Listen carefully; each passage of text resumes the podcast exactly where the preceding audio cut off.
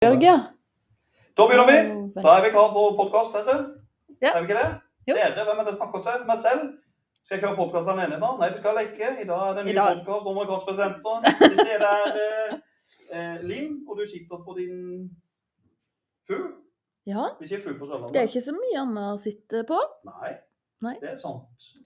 Det er sant. Det er man sterke i dag. Ja, det er det. Mm. Vi er det. Vi skulle jo hatt en psykologtime nå, så Ja. Ja, men det får jeg få ta senere. Men eh, i dag er det amerikanske presidenter, og vi har Mhm. hatt 21 som vi skal snakke om. Og så deler du det på tre, så, får vi, så vi skal ha sju hver gang. Og dette er siste episode, da. Eh, så det blir tre av tre, da, så vidt jeg skjønte. Er det ikke noe sånn? Nummer tre av tre. Eh, Nummer tre av tre. Tre ganger sju. Ja. 21. ja.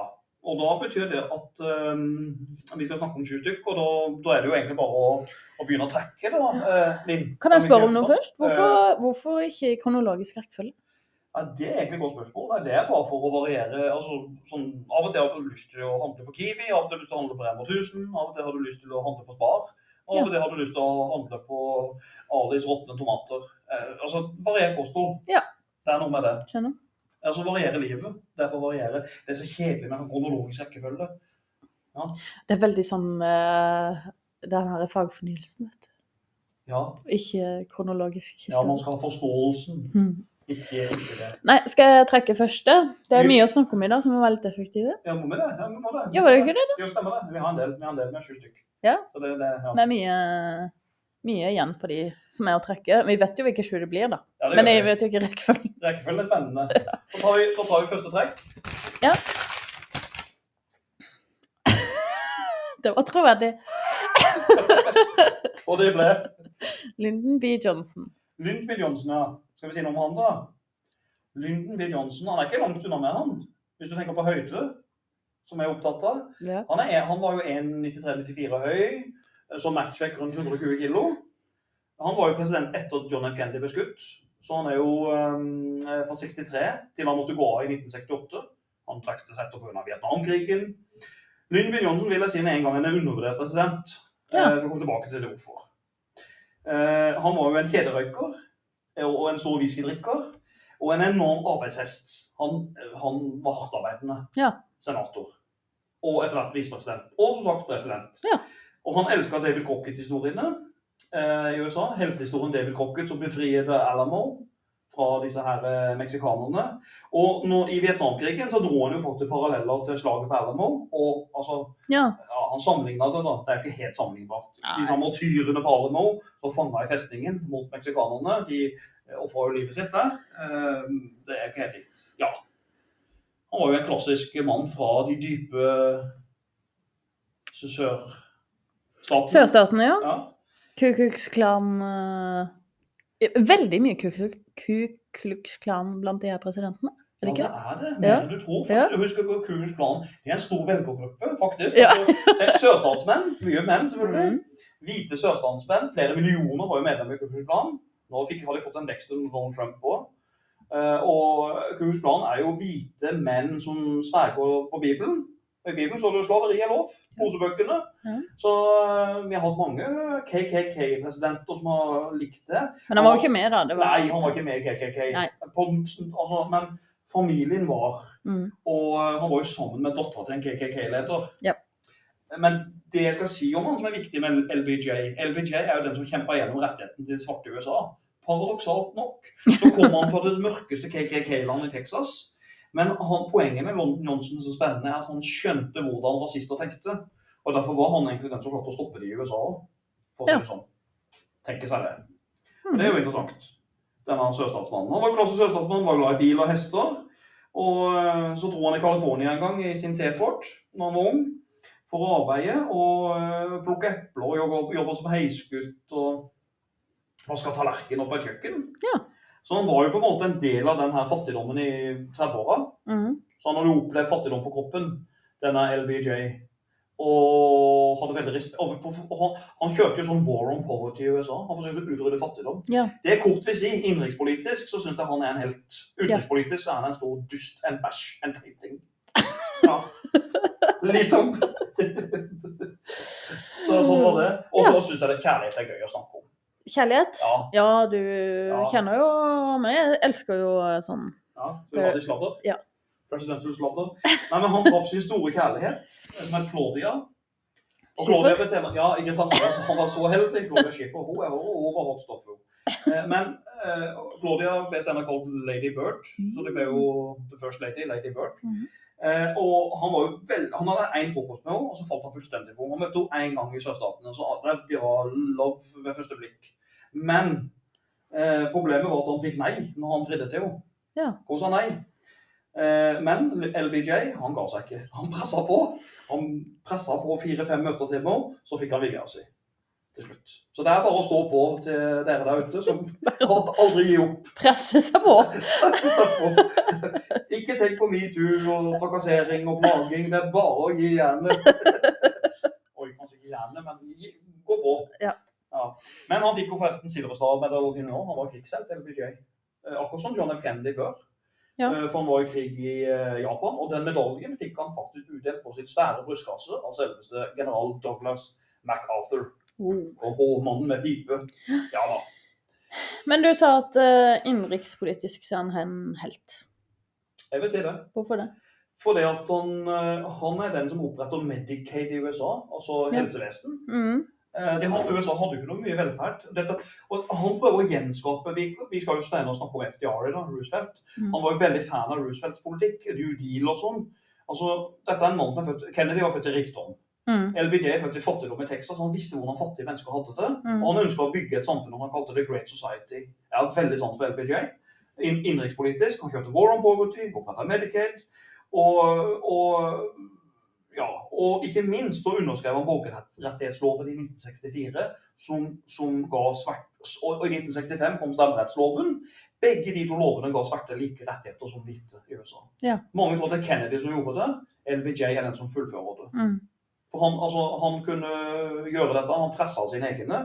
Og det han gjorde veldig enkelt, han ringte rundt til sørstatene, og hvis de nekta å støtte rettigheter til de svarte, så sa han følgende OK, da trekker jeg fra dere Jeg kommer til å trekke bort deres eh, finansiering. Eh, eh, vi skal ikke bygge flyfabrikker, eh, statlige flyfabrikker hos dere. Eh, ikke noe våpenindustri. Vi trekker tilbake eh, støtten økonomisk. Ja. Han pressa de. Ja. Og trua de i telefonen. Ja. Og hvis du kødda med fyren, så fikk du en hårføner. Han var kjent for å kjøre hårfønere, litt sånn som Alice Ferguson i i United og Nils Arne Eggen i Rosenborg.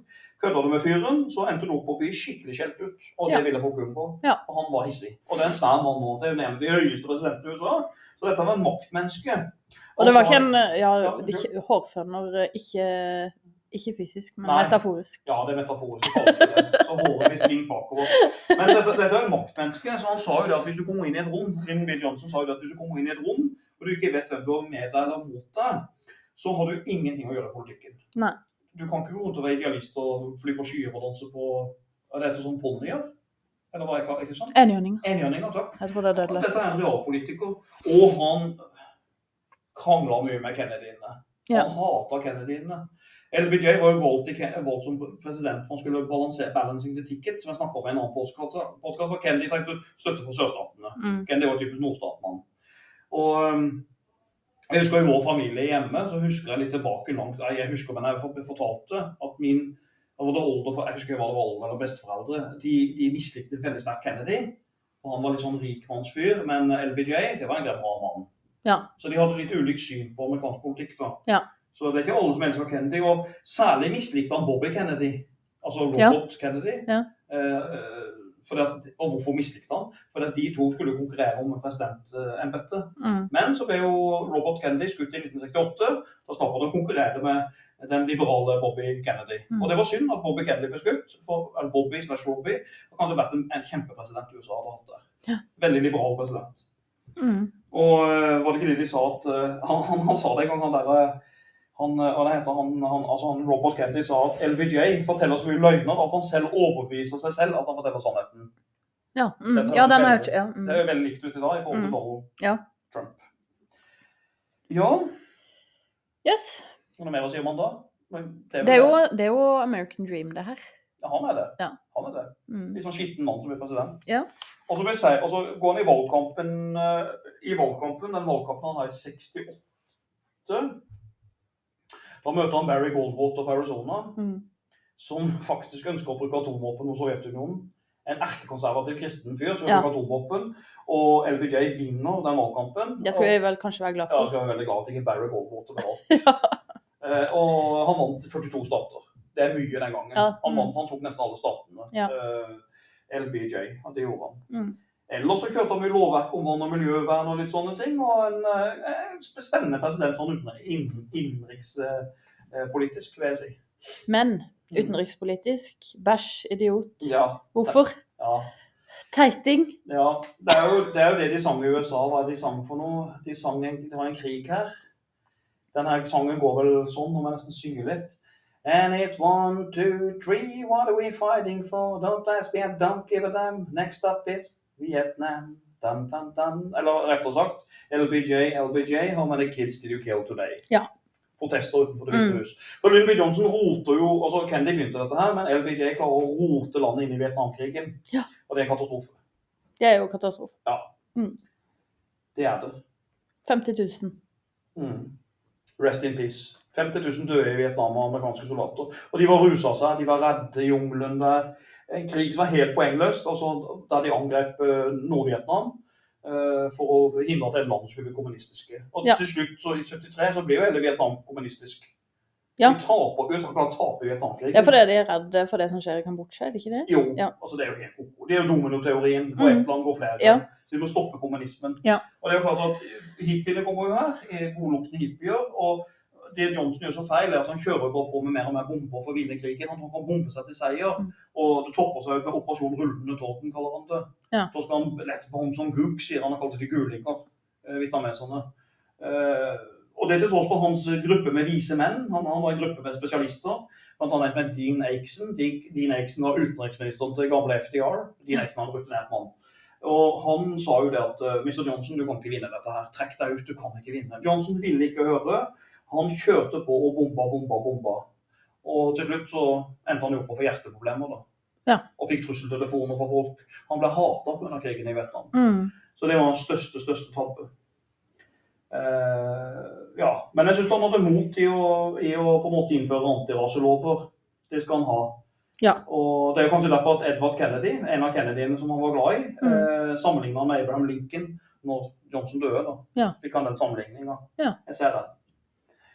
Mm. Ja. ja. Var ikke det rett? Jo. Jo. Er det noe mer du lurer på om eh, Eh, jeg hørte noe om eh, jumbo. Hvem var, hva var jumbo? Ja, vil du vite det eh, som dame? Vet Ikke, eh, eh, når du spør sånn, så, Ja, så får jeg kanskje en mistanke. Ja. Johnson hadde jo et veldig temperament. Mm. Og så var det slik at når journalister kritiserte han, så kunne han bli så sinna, og dette er sant historie, så tok han øhm, Han hadde visst en veldig svær penis, da, for å si det rett ut. Og Mm. den øh, tok han ut, og så dunka han i presidentbordet. Og så sier han nå får du snakke med Jumbo. Jumbo var sånn. Så sier det bare at det var tissen hans. Ja. Så han dunka tissen på presidentbordet i raseri til et par journalister, bare for å si det er dritt og møkk. Er det helt sant? Ja, det er sant. Akkurat som han, eh, akkurat som han var en veldig spesiell fyr. Han, Ja. når, han skulle, han skulle, når folk tok notater mens han gikk, de tok notater mens han gikk, og, så, og da, da eh, måtte de følge han inn på do. Ja. Mm. Det var en veldig spesiell fyr. Nå ser jeg det ringer her. på Spennende. telefonen. Det er bare CIA som ringer meg igjen. Jeg kan ta den selv. Ja. OK. Lurer på hva vi sier. Ja, det er bare noe mas.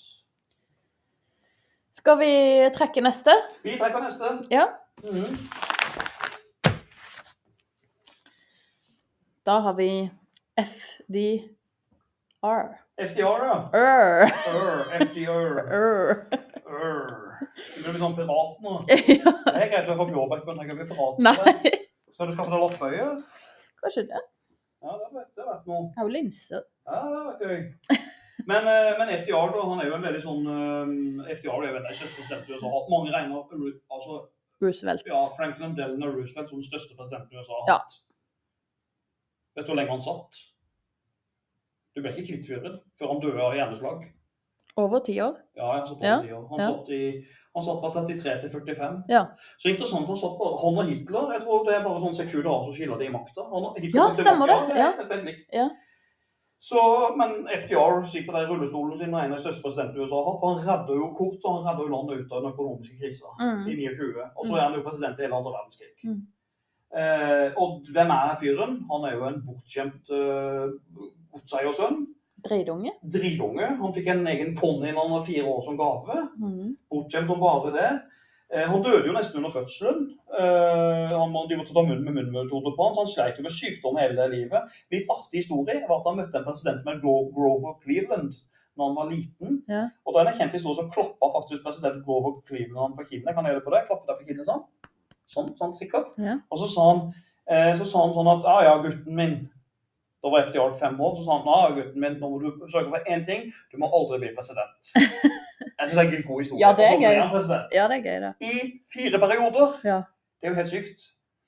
Han gifta seg med Eleanor, Roos Eleanor Roosevelt, eh, i USA kalt horseface, eh, på godt norsk hesteansikte, for de som ikke likte henne. Eh, men eh, mora til FDR var veldig misfornøyd med det valget, det valget av kone, fordi at eh, hun syntes rett og slett ikke at Eleanor var pen nok, eller sjarmerende nok.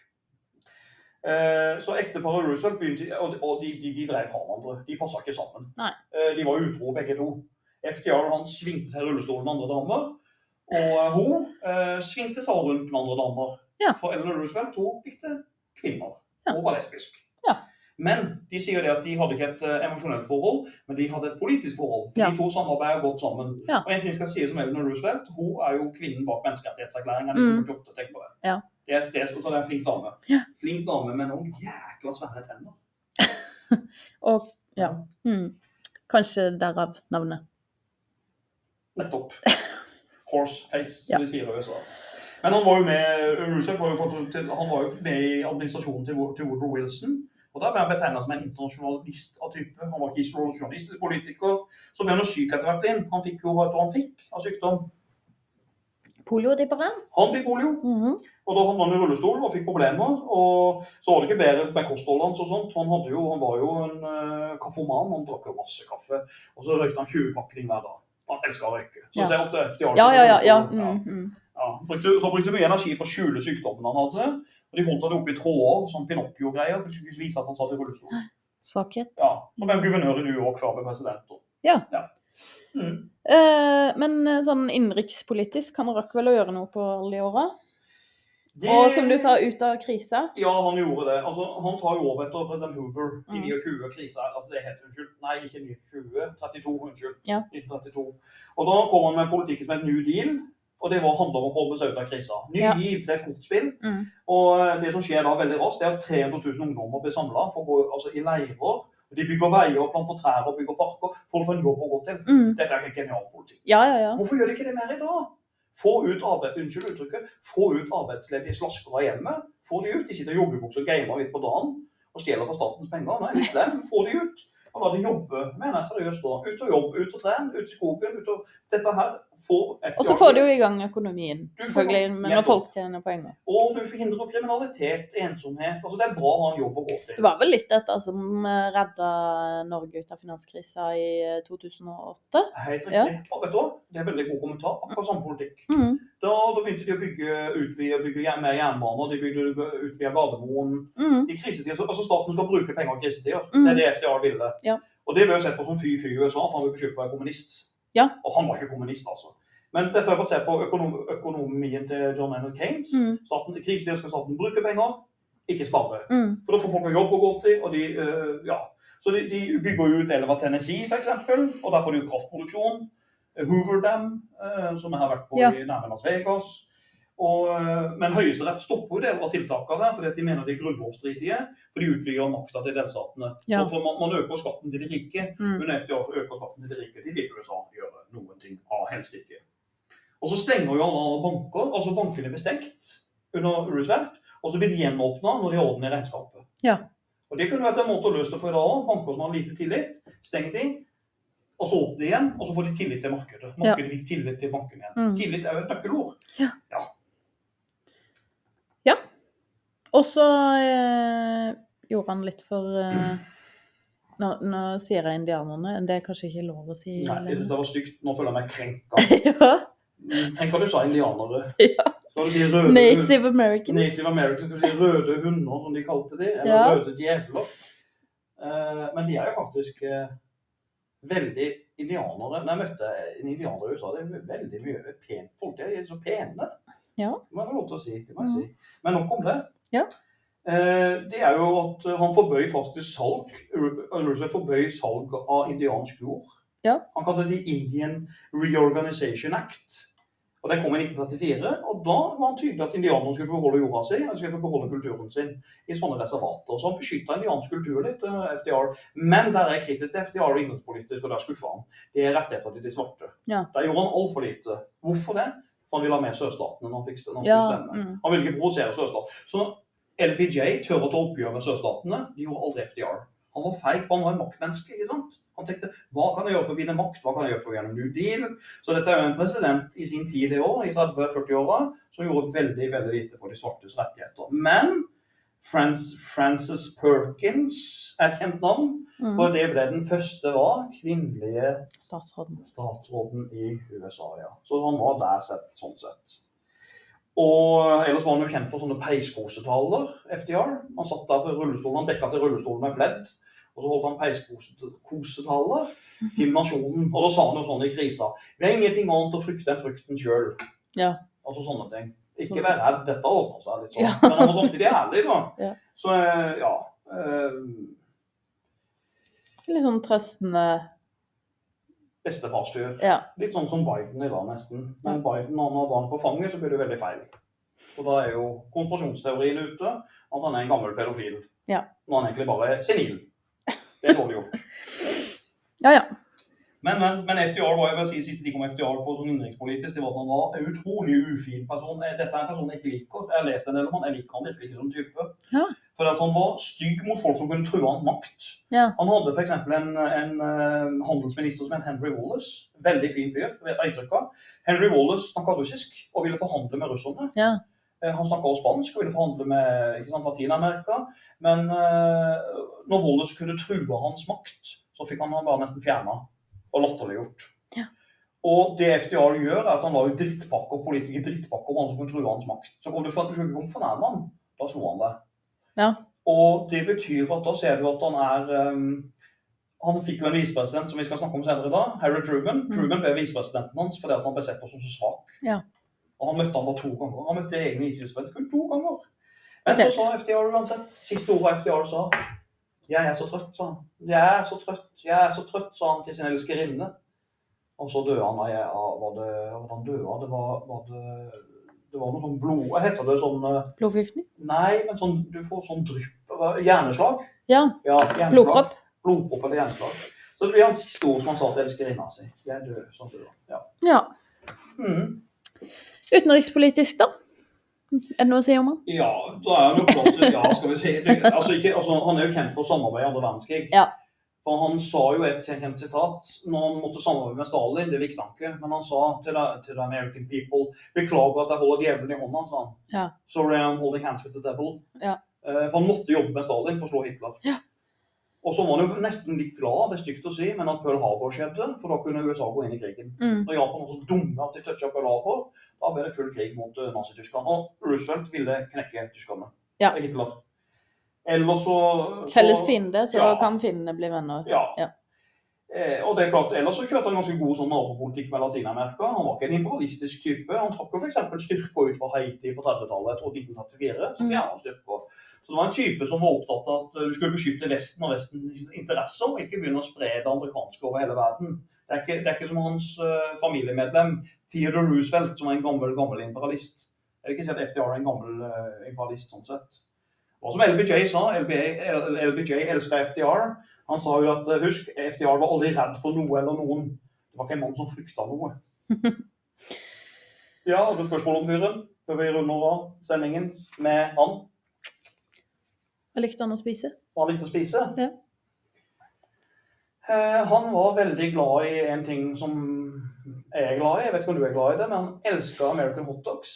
Særlig New York-varianten. Hva innebærer det? Eh, det innebærer Jeg er ikke så bevandra i, eh, i pølse... Nei, det er en pølse med en sånn kryddersmak. Og så Å, ja. og så- og så er det ganske mye sånn eh, Det heter kål, kål, kålslå eller noe sånt på. Ja. Og så spiser du den ikke rett frem, du spiser den sidelengs. Å ja. I et litt større brød. OK. Det er en nydelig pølse i New York. Hmm. New York har pølser. Er du, pøl- er du sånn eh, pølsejente? Mm, ikke sånn veldig. Nei. Nei. Nei. Nei. Det kan være godt eh, en dag, liksom, men så blir jeg lei. Jeg skjønner. OK.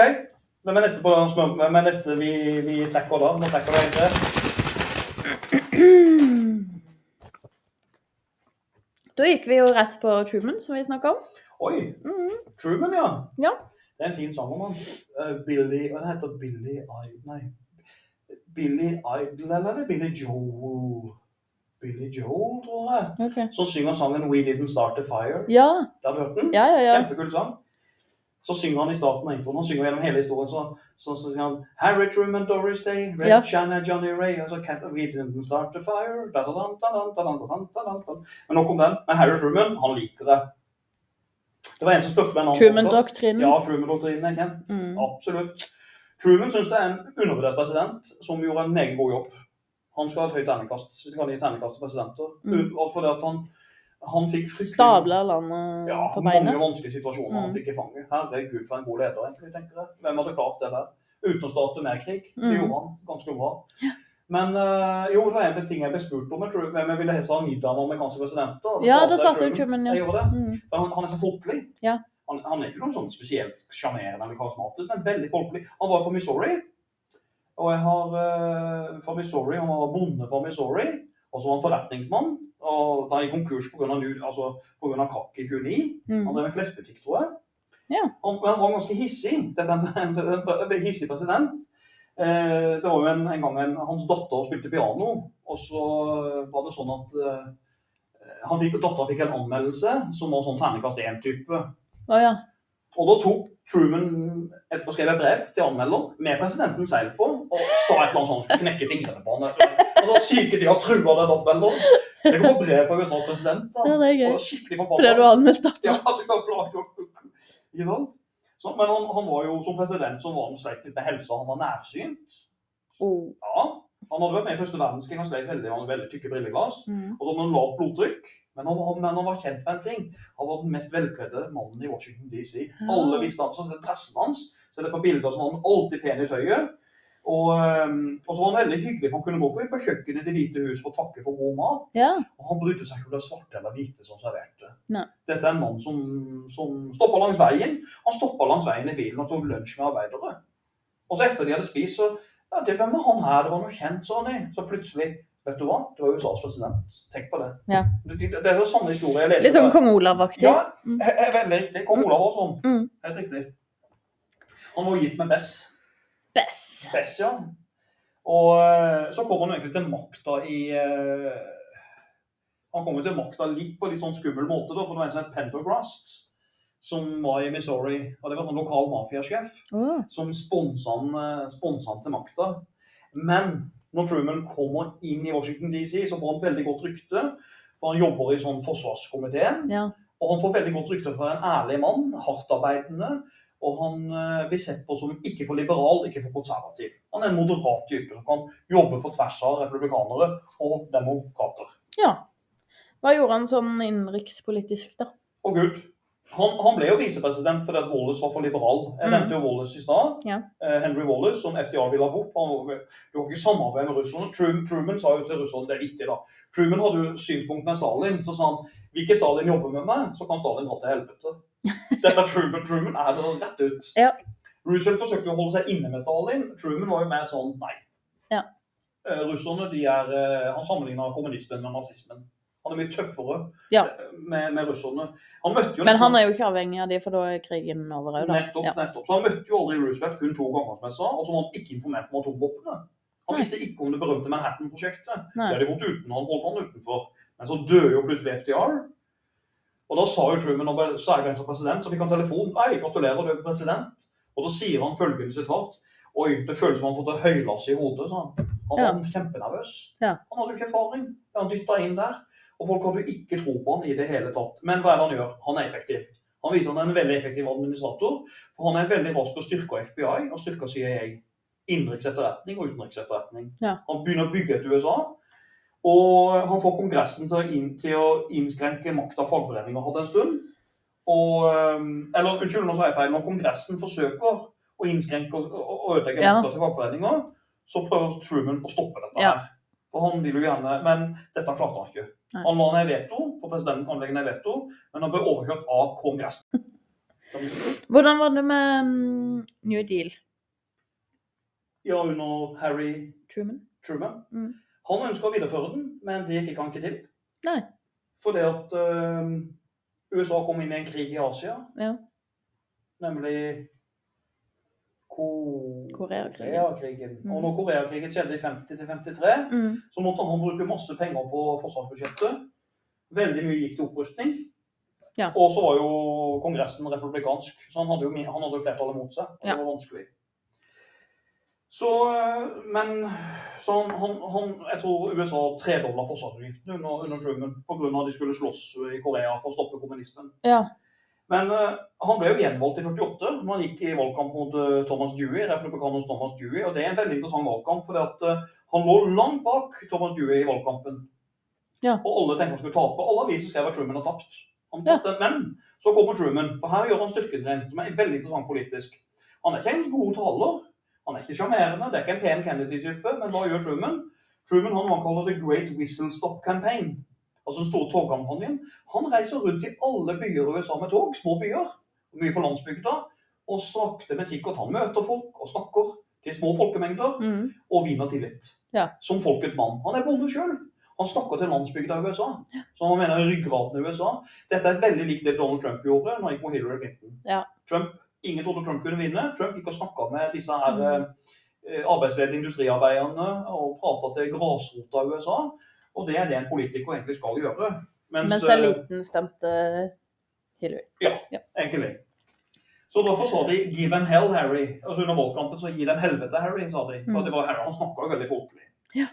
Eh, og det han gjorde som president, han gjorde noe veldig omstridt som president. Han sparka faktisk general Douglas MacArthur Ja. eh, for den krigshelten, det er jo det at han Den krigshelten han ville jo en atombombe i Kina.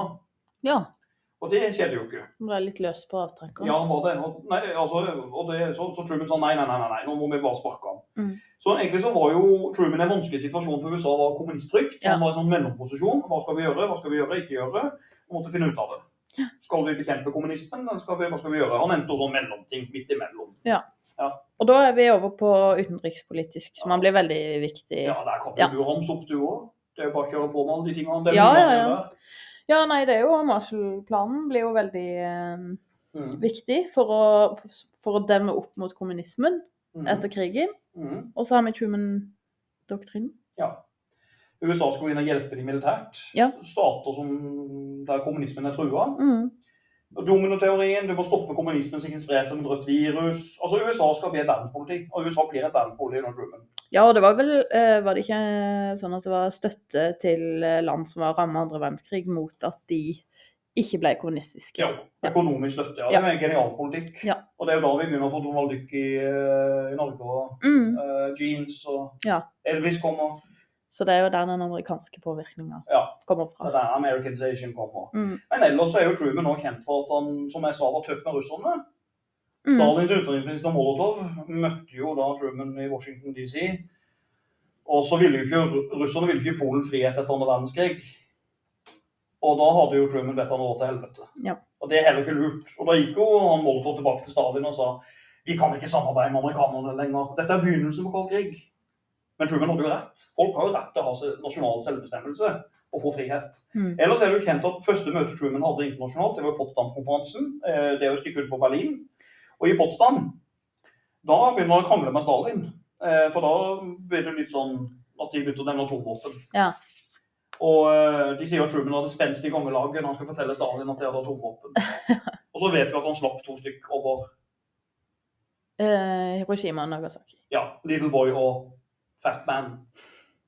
Det var det ikke det het. Ellers så, så sa han jo det at han slapp atomvåpen, han måtte Gud tilgi meg, sa han. Ja. For han var ikke glad for å måtte gjøre dette. Nei. her. Men han gjorde det. Det var en for å spare- katastrofe. Ja, men- ja, Ja. ja. Det var det. Men han gjorde det jo, hvorfor han gjorde det, er uvisst, da, men kanskje for å spare amerikanske liv. Vi vet ikke. Nei. Men eh, staten Israel ble oppretta ja. Så under Truman, og han sa det så sterkt. Han sa det at når jødene lider så mye i andre verdenskrig, nå skal de få egen stat. Hvis Mm. ikke de får egen stat Han sa det rett og slett jeg vil heller begå selvmord enn å gi jødene en egen hjemstat. Ja. Det er sterkt sagt. Han som utenriksminister Marshall, du nevnte han fra Marshall-hjelpa. Marshall sier til ministerpresidenten sa han, hvis du gjør dette her, så skaper du kon- hundrevis av konflikter Ja. i Midtøsten. Men hva gjorde Truman? Han ga Israel sin egen stat. Ja. Og da klikka de. Og Palestina. Marshall fikk vel rett. Ja da. Ellers, ja, krig mot Korea det er klart at Problemet med Truman-administrasjonen var jo Kina ble kommunistisk i 49. Den var ikke grei. Nei. Når Mao kom til makta i Mm. 49, da ble de redde i USA. Og derfor, opprettet- derfor støtta Truman opprettelsen av en organisasjon der Jens Stoltenberg bl.a. har vært eh, delaktig, nemlig mm, Å ja, nå henger jeg ikke med. Nato. Nato, ja. Mm. Nato. Måtte bare sjekke om barnet sov. Ja, ja, ja. ja, Men det er fornuftig. Vi har med et barn inn i rommet, eller kanskje to. Nei, Emilie er over Ja. Ja. Ja. Ja. 19, og så et barn på et halvt år. Det er litt forskjell. Mm. Mm. Og så Øyvind på over 50, som kommer snart innom nå. Det er sånn eh, samlingsrom her. Ja. Har du spørsmål om Truman før vi danser videre i sendingen? Mm, du nevnte vel at han var bonde, men han forblei bonde, eller? Han, var ikke, han hadde ikke noe utdanning? Nei, han hadde ikke det. Og Truman hadde faktisk ikke noe utdanning. Han, eh, han var helt uten utdanning, og eh, han fikk jo egentlig aldri noe utdannelse, nei. Fordi at han deltok i første verdenskrig og ble bonde og businessman. Og så gikk han jo rett inn i Washington som Ja. politiker. Så, Så han, det er en mann uten hus, så er det utdannelse. Ja. Det er jo litt interessant. Folkets mann. folkets mann. Så ble han jo en eh, fyr som etter hvert eh, på sine eldre dager eh, ga sin eh, varme støtte til John F. Kennedy. Ja, fikk inn, Han fikk svart inn i militæret, Truman. Eh, og så fikk han etter hvert problemer på slutten av livet når han eh, sklei på baderommet. Han eh, sklei og slo seg kraftig på baderommet, og det kom han seg aldri etter. Nei. Ja, Så, men han var en gammel mann. Ja. Harry Truman. Skal vi runde av han, da? Ja, da runder vi av Harry, Harry eh, S. Truman. Hvor høy var han? Det er hemmelig. Ja. Vet du hva? Jeg kunne sagt det, men jeg vil ikke fortelle alle høyder, for det vet jeg veldig godt. Nå kan folk sjekke det opp sjøl. Ok. Sjekk opp hvor høy Harry Truman var. Jeg vet det veldig godt. Jeg trakk meg ned. Da er vi på Nixon. Mhm. Ja, Han liker du. Hørte du på stemmen? Mhm. Hva kan vi si om han? Han hadde ikke akkurat valgtekke blant damer, det var derfor jeg sa det. Han var jo sett på som en sånn litt sånn stygg, bitter mann, men flink. Ja. Og så stemmen hans, han var litt sånn I hate hippies. Og så, og så litt sånn And I don't like the Kennedys. Han snakka sånn. I'm not a crook. Festbremsen? Festbremsen, absolutt. Og han kveker av bakgrunn. Altså kveker, det er jo festbrems, det òg. Det er jo en sånn religiøs menighet som Ja, ja. ikke har lov til å ha det gøy. Eh, i- antivold, og det er veldig morsomt, for han her var jo, fikk jo, han bomba jo i stykker Vietnam, han òg. Mm. Men Richard Nixon er jo mannen som veldig kort før introen, han er jo mannen som driter seg ut som USAs president med Ja. Watergate-saken og må gå av. Ja. Men han gjorde veldig mye spennende utenrikspolitisk. Jeg tenker innenrikspolitisk, terningkast to. Ja. Utenrikspolitisk, terningkast fem. Skal, da tar vi innenrikspolitikk. Da tar vi det verste først. Vi tar det verste først, ja. Ja. Vi kan begynne innenrikspolitisk. og Jeg bare si litt sånn generelt om han, hvem han er. Han, han var jo faktisk fra California. Og hans drøm, det var å, å kjøre opp motiv. det var litt gøy. Og så senere ville han senere så ble han jurist, da. Han ville bli jurist senere. Ja. Og så fikk han jo litt problemer når, eh, når han hadde jo en lillebror som døde i ganske ung alder. Og det prega han veldig i livet. Ja. Så han ønska å bli noe stort for å hylle sin lillebror. Ja. Så han hadde en motivasjon. Mm. Men han var jo motsatt av JFK. Han gikk jo i valgkamp av JFK i 1960 og tapte, så Mm. vidt det var. Og han hata Kennedy. men Han var sjalu. Kennedy hadde jo mye penger. Nixon kom fra en vanlig familie. Og så hadde, Ken- så hadde jo eh, Nixon rykte for å være jentehater på skolen. Han var nå litt sånn Jeg heter incel-bevegelsen, kanskje, i dag. Jeg skulle til å si litt sånn mindreverdighetskomplekset. Kanskje, ja, men det er nok det. Han var veldig mye ensom og dårlig selvtillit. Ja. Og øhm, han var jo visepresidenten under Eisenhower, så det var jo en faren politiker. Ja. Han var jo han holdt på å bli steina i hele Venezuela, forresten. Han var i Venezuela, Da kasta de masse stein etter ham og holdt på å drepe ham, faktisk. Men, øh, men innenrikspolitisk, som du sa, så, så var han jo en storindustriens mann. Dette er liksom eh, motsatsen til forrige vi snakka om med Truman, da. Og det, vil- ja, hvordan da? Ja, i forhold Nei, til ja. ja, bakgrunnen Ja, det vil jeg si. Det vil jeg si. Altså, I forhold til hvordan han ser på samfunnet, så tror jeg litt det. Ja. Han liksom støtta storindustrien og forsøkte å knekke fagforeninger. Ja. eh, i noe som heter eh, Taft-Harley-loven i USA. Den, den reduserte makta til fagforeninger så ikke hun streike så mye. Ja. USA hadde nesten ikke lov å streike. Han var jo egentlig kjent for å være en kommunistjeger og kommunisthater, for å si det rett ut. Og eh, ja, Men i 1968 får han endelig sjansen sin. Da går han til valg. Jeg tror han møter den norske bakgrunnen. han heter. Hu- Hubert Humphrey. Ja. Herbert Humphrey, eh, som har norsk bakgrunn. Ja. Og han vinner den i 68, ja. Og da var han litt lurere, for da var vi mildere som type i valgkampen. Han, han var ikke så aggressiv og sint. Han har lært nå, vet du. Ja. Ikke sant? Ikke de stygge blikkene han sendte ut og sånn. Så han, han hadde en visepresident som het Agnew, Spirno Agnew. Og Spirno Agnew, han tok seg alle de der skittkastinga og drittkastinga. ja. De var liksom, skal vi si eh, Ja, for jeg tenker hvordan han ble valgt i 1968, men vi har jo hørt om 68-erne og hippien, ikke sant? Ja. Hvordan klarer han å Ja, Ja. ja. det er veldig interessant. Eh, Jeg tror nok Nixon, Nixon mislikte hippier sterkt. Ja. Men husk i USA, hippiebevegelsen er ikke hele USA. Nei, det er sant. Og eh, ganske mange folk i USA var lei av hippier nå. Ja. Altså skitne folk som røykte hasj og ikke jobba. Ja. Veldig ne- Det er en veldig grei motstander for Nixon. Ja. Og så gikk jo Nixon inn i, i valget og sa det at han, eh, han ville kjøre knallhardt mot kriminalitet. Dette er populært i USA. Ja. Han tok war on crimes og war on drugs. Strenge straffer for bruk av narkotika. Og dette fikk han mest av mange på i Kongressen. Og harde kamper, ikke minst. Han er president for å bekjempe mafiaen. Mm. Under han som ryker mafiaen. Ja. Kan jeg se mafiafilmen Donnie Brasco med er det Al Pacino eller Johnny Depp? Det er en av de to gamle. Så, og så var han jo veldig konservativ i abortspørsmål. Og øh, ja.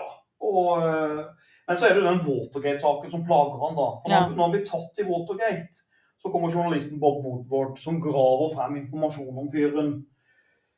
Og finner frem at de har brutt seg inn i, re- i demokratenes valgkamp mot Ja. ja. Og da kommer jo eh, hans utenriksminister den gangen, Henry Kissinger, som lever enda. Henry, jøden Henry Kissinger sier jo til Nixon, når de blir avslørt i Watergate, så sier han Mr. President, han snakker sånn, Mr. President, let's go on the floor and pray. Så de la seg ned på gulvet og ba. Ja.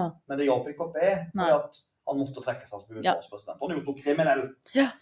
Så det var liksom innenrikspolitisk, politisk, så, så Watergate-saken var en stor, stor, stor skandale for eh, Tricky Dick, som han ble kalt. ja, og mange har jo, føler jeg, hørt om Watergate-skandalen, men hva Men så var det hva den gikk ut på. Ja, veldig kort så er det jo det at eh, den er jo Altså at de, de Det er noen som Noen republikanere bryter seg inn i demokratenes valgkampsbod, eller valgkampslokale, Ja. og stjeler valgkampsinformasjon. Ja. Og de, altså de, de, på, på, gå- de hadde vært datatidsalder i dag, så hadde de sagt de hacka valget. Ja. Juks. Juks, valgjuks. Og, når de, og så ble det- problemet er at dette blir sporet tilbake til at Nixon vet om det. Det er der problemet er. Ja. Dette er veldig sammenlignbart med Hillary Clintons e-poster Mm. og Donald Trumps påstand om at Obama overvåka han. For Trump mener at Obama overvåka valgkampen til han. Ja. Og det ser jo ut som at det har skjedd noe der. Ja. For det skjer veldig mye rart i USA med overvåking. Russerne har blanda seg inn i valg, og Ja, ja, ja. det er ikke paranoiske schizofrene. Det skjer, det skjer ting som ikke skal skje. Ja. Så sånn var det, ja. Men det var eh, innenrikspolitisk, da. Men utenriks ja Utenrikspolitisk så er han jo en løgner der òg, for han sier, det, han sier 'peace with honor' i Vietnamkrigen. Oh, Han yes. skal nedtrappe krigen i Vietnam, nedskalere krigen, men hva er det fyren driver med? Han bomber skjult. Ja. Han øker bombinga over Vietnam for å Mm. prøve å vinne, så han sier nei. Nei da, nå skal vi ikke slåss mer. Og så plutselig bare OK, så blir det enda verre. Ja. Og det kan du ikke gjøre med TV-kamera. Nei. Vietnam er en TV-sendt krig. Dette får media med seg, og dette blir fryktelig, fryktelig ille for han.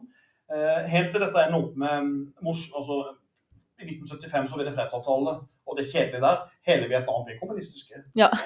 Og i- Helt forgjeves. ja, og i- og i Kambodsja for den gale diktatoren med Pol Pot. Ja, ja, ja. Han har vi snakka om Ja, før. vi snakket om før. Skal ikke ta han nå, men herregud, for en taper. Så Nixon lykkes ikke der. Men han lykkes jo veldig godt med noe annet. Linn. Hva er det han lykkes så godt med? Vet du det? Hva sa du nå? Han lykkes veldig godt med noe annet. Nedrusting Ja, det gjør han. Han ruster mot ned. Sovjet? Ja, SALT-avtalene. Mm. Så han forhandler bra med Sovjetunionen, SALT-avtalene. Særlig utenriksminister Henry Kissinger er kjempeflink. Han er beinhard på de tinga der. God til å forhandle. Ja. Men de åpner diplomati med et land. Kina? Ja. Mm. Det er det spesielle. Det er der han ikke lykkes godt. Fordi at Kina er jo fienden, og det er Sovjet òg. Men hva gjør de? De bestemmer seg for å bli venner med Kina for å splitte Kina og Sovjet. Ja. Så inngår USA handelsavtale med Kina, helt unikt. Og Kina vet at vi kommer kapitalistiske, sånn som det er i dag. Og da sender de ned eh, Henry Kissinger, og Mao klapper Kissinger på magen og sier at disse amerikanerne spiser godt. I forhold til oss, der eh, hallo, 50-70 millioner dør av sult. Ja. Eh, og man innfører såkalt ping-pong-diplomati med Kina. Det er der det starter. De spiller ping-pong mot hverandre. Ja. Har dere sett Forrest Gump? Ja. Så er det Forrest Gump spiller ping-pong. Mm. Dette er en del av historien. Ja. Og amerikanerne taper med vilje der, faktisk, sier de da. Ja. For å blidgjøre kineserne. Ja, ja, ja. Ja. Mm. Mhm. Mhm. En til som dør av hjerneslag? Ja, flere som dør av hjerneslag? Ja, var det ikke snakk om det er blodpropp og hjerneslag? Er ikke det det samme? Jo! Selvfølgelig Nixon dør av hjerneslag. Ja. Ja, det gjør han. Hallo. Nå fikk jeg nesten en drypp av sjøl. Nixon dør av hjerneslag i 1994. Stakkars fyr. Han dør av hjerneslag i 1994. Så går han ut til en sånn, eh, en biografi der han forsvarte seg sjøl i Watergate-saken. ja. En biografi som nesten ingen har lest. Ja. Og Ni- Nixon ble jo nesten hata etter det han gjorde. Ja. Og han er hata særlig. Vi snakker utenrikspolitisk. Det de gjorde i Chile, det var rått, altså. Ja. Chile er jo et selvstendig land, et av de rikeste landene i Latin-Amerika. Chile var jo styrt av en som het Salvio Allende Mm. eh, president. Han var jo venstrevridd, sosialist. Men han ville ikke USA ha til makta. Så var det USA gjør da. De kupper, altså Henry Kissinger er med sammen med CIA, og så styrter de, fjerner de Allende. Han blir henrettet og drept. Og så setter de inn en høyreorientert fascist som heter Augusto Pinochet. Pinochet. Pinochet. Pinochet. Pinochet. Pin, pinsett. Høhø. Ja. Og så det, er jo, også det er jo sånn de gjør i Latin-Amerika. da. Altså de, dette er det vi kaller realpolitikk. Under Nixon og Kissinger så kjører USA realpolitikk. Det er sånn avspenningspolitikk. Altså, og de går inn og balanserer makta. De tenker ikke på menneskerettigheter i det hele tatt. Men kanskje det verste han gjør, Ja. stenge svømmebassenget. ja han Hvorfor gjorde det. gjør han det? Stenger svømmebassenget i Det hvite huset, ja. Ja. Ja, jo da, du visste det, ja. Du er ja, imponerende. Du, du har lest Nixon-biografien på lørdagskvelden, skjønner jeg? Nei. Ja, det har du bare gjort. Smiler nå, det har du gjort. Nei, men han gjorde det. Vet du hvorfor han gjorde det? Nå kan du tenke deg Nixon i Det hadde morgen. jeg vel visst hvis jeg hadde lest Ja, for det, ja, men Nixon var veldig hårete. Veldig hårete mann. Ja. Han var så mye hår på hele kroppen at han syntes det var flaut å bade. eh, Og derfor fikk han faktisk stengt igjen svømmebassenget, som FDR oppretta. FDR måtte svømme med poloen sin. Polo, polioen sin. Ja. Og Nixon måtte lukke det igjen. Og istedenfor så oppretta han litt bowlingbane istedenfor, da. Ja. Så Det hvite hus er eh, bowlingbasert under Nixon. Du, det, det stemmer mine fordommer om at de som er gode til å bowle, er hårete. Ja, Det tror jeg. de er hårete og lettere overvektige. Og stemmer eh, Jeg skal ikke si hva de stemmer. Ja, herregud, og vi prater nå. Nå prater vi mye. Ja. Hvor mange har vi igjen nå, egentlig? Eh, Vi har tre eller to, jeg husker ikke nøyaktig. Ja. Kans- Kanskje, kanskje, kanskje vi skal ta en liten sånn eh, Jeg må ha en sånn liten drikkepause nå. Eh, Litt. Kan jeg åpne en brus? ja. Å. Vi lager nok negler. Kan ikke jeg stille noen spørsmål imens, da? Jo. Bare drikke litt au. Ehm, Thomas Jefferson, han snakka vi vel om eh, Jeg husker ikke, jeg går i surre. Men eh, han kjøpte noe av Napoleon. Hva kjøpte han? Han kjøpte Lusi- Louisiana av Napoleon. Louisiana-kjøpet. Mm. 1803-1804. Kjøpte han masse stater av Napoleon som var i krig. Thomas Jefferson han hadde masse slaver, han hadde han ikke det? Mm. Eller? Hva hadde han nå for noe? Hadde han ikke mye slaver? Jefferson? Ja. Thomas Nei. Jefferson? Jo, jo, jo! Masse slaver. Ja. Masse. Ja. Han var drøy på slaver. Jeg husker ikke hvor mange han hadde, men han var en ganske stor eh, gjeng, ja. Og han fikk barn med dem. Å ja. Så det, det var litt gøy, for det kom fram en sånn afroamerikansk mann i dag i USA. eller i dag, han kom fram, så, så sa han «Hei, jeg, st- jeg stammer etter president Jefferson. Så, sa han, så ha-ha, liksom. Du går tilbake til Harlem, du. ja. Men nei, da han tok DNA-test på fyren, så stammer han faktisk tilbake fra han. Han, hadde jo se, han var jo sexgal, da. Jefferson var sexgal. Ja, fordi at han var med og skrev eh, Ja. grunnloven. Ja, eller ikke nei, Nei, det- eh, uavhengighetserklæringen. Uavhengighetserklæringa. Ja. Ja, ja, stemmer. Eh, Men hvem er de fire presidentene som er hogga ut i stein? Det er et typisk quiz-spørsmål. ja, det er et quiz-spørsmål. De Ja. fire på Høygaard til Stein. Ja, du tenker I på- Mount Rushmore. Ja, Montrose. Der har jeg vært. Det er veldig fint. Det er et fint område. Der har du fire stykk. Da har du, da har du eh, Washington, Mm, og så har du Lincoln, mm, og så har du Jefferson. mm. Og så har du, hvis det hadde vært et band, da, så hadde han vært på bass. For det er ikke så populært. Eller trommer. Da. Oi, jeg tror ikke noe på trommer, men eh, han eh, Roosevelt. Ja. Men Ted- Teddy Roosevelt. da. Ja. De fire der. Ja. De er hogd inn i stein. Lenger nedenfor så er eh, det jo eh, Crazy Horse-monument. Ja. Av indianeren. Ja. Men det står liksom gjemt i bakgrunnen. Ja.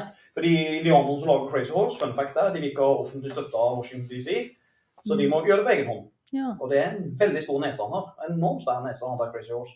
De jobber hardt med å få til den skulpturen, for den nesa er svær. Så, så skal du ha kjente folk og lage statuer eller skulpturer av deg, så ikke folk med svære neser. Nei. Det er tungvint. Ja. Små folk, lave folk. Det er greit å lage skulpturer av. Ja. Mm, tenker jeg. Jeg har vondt i øynene. Jeg har bl- bl- bl- i øynene sånn. Men skal vi trekke en ny, eller? Eh, ja, er ikke din for det? Jo. Ja. En til? En til? En til. Da er vi på Clinton. Og Mm. det er jo bare en Clinton som Det- det er klarte å bli president. Ja, heldigvis. Nå skal vi snakke om Bill. Bill, Bill Clinton. Mm. Det er en kjekkas, Linn. han mm, er no, Det er nok litt før jeg klarte å tenke at det var kjekkas. Ok. Altså, ja. Ja, ja, men jeg syns jo Marilyn Monroe er hot. Hun er før min tid. ja, men jeg har bare sett Jeg føler jeg bare har sett Clinton som gammel. Ok. Ja. Mm. Men en kanskje må finne noen bilder av han som ung. Og så Mm, se. mm. Men Bill Clinton det er jo en eh, Han var jo president i to perioder, han. Ved 1992 til 2000. Ja. Det er jo en kraftig fyr. Vil du ha høyden der? Ja, den kan du dele. Ja, han er jo litt sånn Han er jo litt sånn som meg, da. Han er sånn 1,89-1,90-sirkus. Ehm, Men eh, så varierer han veldig i vekt. da. Han er veldig varierende i vekt. for Han har ligget på over 120 kilo. Ja. Og så har han ligget nå ned mot 90. Etter å ha vært mye hjemme med Hillary. Så har han kanskje gått under 90. Ja. Eh, Dette er jo presidenten, og han var veldig glad i å jogge og spille golf. Veldig glad i kunnskapsquiz. Altså denne, han elsker quiz, denne presidenten. Han Ja. bruker masse tid på quiz. Eh, og så har han, så ligger han og spiller saksofon og kryssord. Han elsker kryssord. Og så er han merkelig nok veldig glad i eh, metal-musikk. Mm. Det er en veldig spesiell. Så Air Force One, så spilte de b- sånn eh, buff, buff, ah, De er der, ikke sant? Men enda mer. ah. Det er veldig slitsom musikk. Og den likte han, så de, ja, de mener han ødela hørselen sin da, på, på det der. Men eh, Bill Clinton er en interessant bakgrunn, for han vokste opp med en veldig sterkt alkoholisert far. Ja. Så han er vant til alkoholikere Mm. for å si det sånn. Og um, det som er bra med Clinton-familien, det er at de alltid behandler svarte så godt. Ja. Det var de kjent for, for faren drev en landhandel i butikk. Og de ga gjerne kreditt og lån til svarte, og de Mhm. ansatte svarte. De brydde seg ingenting om rasefordommer. Nei. Og derfor har alltid Hillary, altså Hillary og Bill blitt elska, og hele familien, blitt elska av afroamerikanere i USA. Ja. De har, de har vært en velgergruppe som har stått sterkt hos de. Mm. Det er stor respekt hos dem. Ja. Eh, så, og det, dette er Arkansas. Og hvis dere har vært i Arkansas en gang, det er en skitten stat. Ja. Altså, det er en sånn stat der eh, Ja, det er skitt rett. Altså, det er skikkelig harry land. Ja. For å si det sånn, Froland virker sivilisert i forhold. Og rykende himmel på jord. Nei, men, men fyren reiste ut av Arkansas, så studerte han opp i Oxford i England. Ja. Og så reiste han over eh, og studerte på Yale i USA etterpå. Så her har vi en smart fyr. Ja, det er han. Flink fyr. Han leda jo valgkampen til McGovern i 72, Ja. som ikke kom noen vei da. Men, eh, men eh, det er en eh, dyktig mann. Og så eh, er han jo kanskje dessverre mest kjent for dame... Ja. Dametrøbbel. Ja, Han er jo en kjesker. Ja. Vi sier det. Han er jo en, altså, dette er jo en president som hjelper mye damer og han har vært borti. Det er jo store problemer hans. Han Ja. kunne ikke styre sitt privatliv. Eh, og eh, han hadde jo da allerede Mange tenker jo Monica Lewinsky. Ja. I did not have Sexual, sexual relations with that woman, Alle, er det ikke det? alle kan den. Og så plutselig var det en sigar involvert inn i bildet der, og det var mye rart. Jeg vil ikke, jeg skal ikke snakke om det Nei, engang. nei. Da må du være aldersgrense 22. Ja. Eh, Men så kommer det jo frem at han har tulla mye før òg. Ja. I 1992 så var han jo på en nattklubbsangerinne, Så- og, og var da tolv års forhold med han. Og så eh, ble han søks... Og så hadde han så masse søksmål for seksuell trakassering. Ja. Tre-fire ganger på rad. Så det var mye bare før Monica Lewinsky òg. Mm. Så eh, Hillary har fått gjøre Derfor kalte de jo han Slick Willy. Han kaller han det Slick Willy. Lure Bill. Ja. Men han klarte seg jo, da, fordi at eh, s- der var jo pressen veldig urettferdig. I, I den saken med Lewinsky så endte jo det opp med at eh, Bill Clinton ble jo hata deg i starten.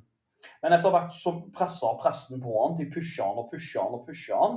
Det ble skrevet en rapport på 2000 sider hva han hadde gjort med Monica Lewinsky. Ja. Og etter hvert så ble den presset så stort at jeg tror mange amerikanere syntes det var dumt. Mm. Så de tenkte at OK, presidenten er se- glad i sex, hvem er ikke det? ja, Han er en for normal han, mann. for han ble liksom ikke Han har kommet greit ut av det, Han tenker jeg. kom, vet du hva? Det rare, han ble jo mer populær etterpå. Ja. Fordi at eh, det som skjedde, er var at han ble sett på som en folkets mann. ja. Dette er, USA er litt konservative. Og Dette er sånn at de ikke har vondt av Hillary Clinton. Hillary Clinton fikk skylda ja. blant mange. Ja. Men Det var Hillarys skyld. og- sånn. Er det rart å bli litt streng? Nei, stakkar. Og det- så- Men han, han ble jo frikjent i riksrett, så han kom i riksrett for det her. Og så ble han frikjent med 55 mot 45 stemmer. Så det var, det var ti, stemmer som, ti stemmer som frikjente han. Men igjen å bli felt som USAs president fordi at du har vært utro, det er ikke relevant grunn. Nei. Det er jo andre ting som må til. Ja, ja, ja. Så høyresida kjørte jo knallhardt på mot Clinton. Men uansett skal vi gå litt på politisk, da, ikke bare snakke om damer og han. Fordi at han var jo kjent for, han, han tok jo med seg Al Gore som partner in crime. Ja.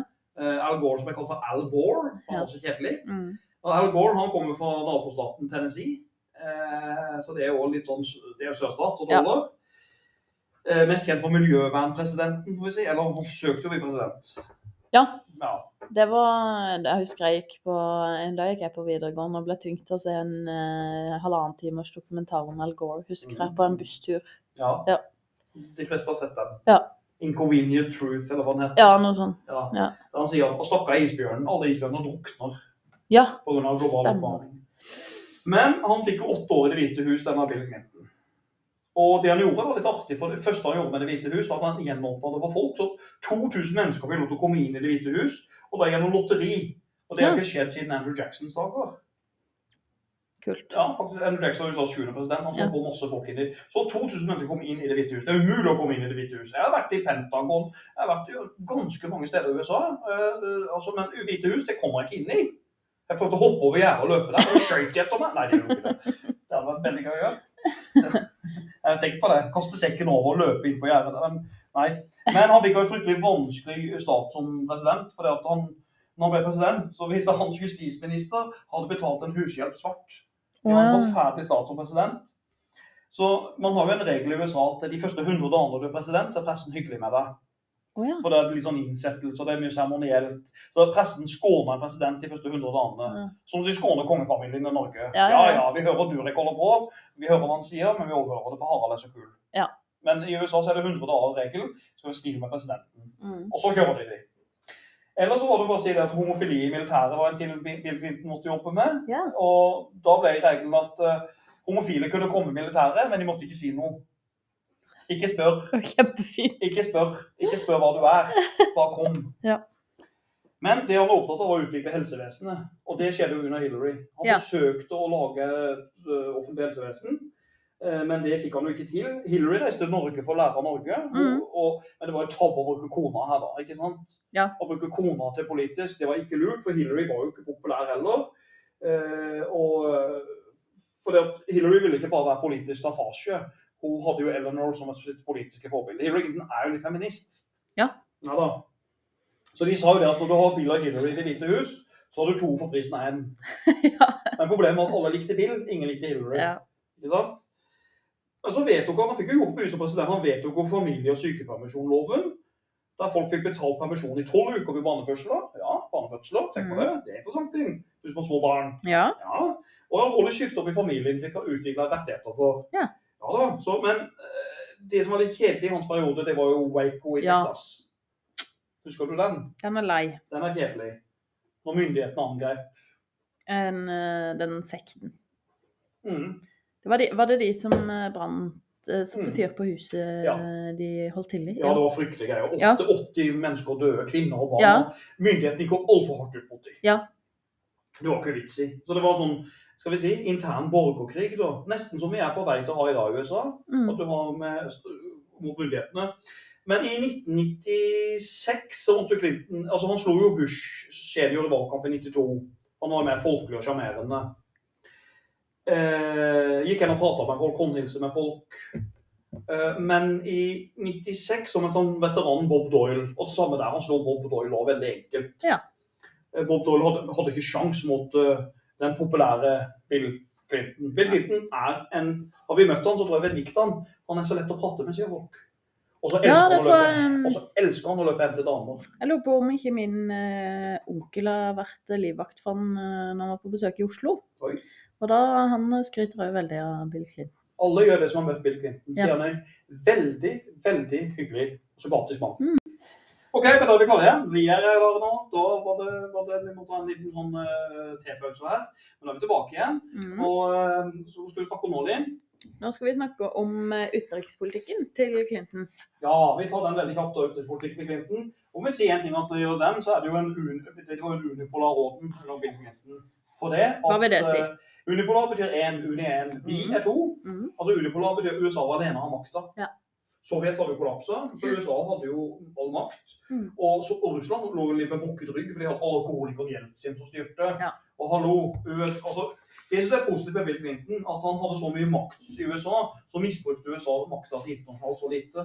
Ja. Han hadde jo så mye makt eh, da. Men det som begynner å skje når Clinton er litt drit, for det, at det begynner å skje terrorangrep mot USA nå. Ja. For nå er Sovjet død, men det kommer terrorangrep. Mm. Et raskt og noen raske eksempler. Så blir jo ambassade, USAs ambassade i Kenya eh, sprengt i et terrorangrep. Mm. Nå er det Al Qaida. Og nå kommer, eh, nå kommer han vi sier ikke marmeladen, ikke sjokoladen, eh, ikke bananen, men bin Laden. Mm. Det rimte. Mm. Ja, eh, venter jeg på.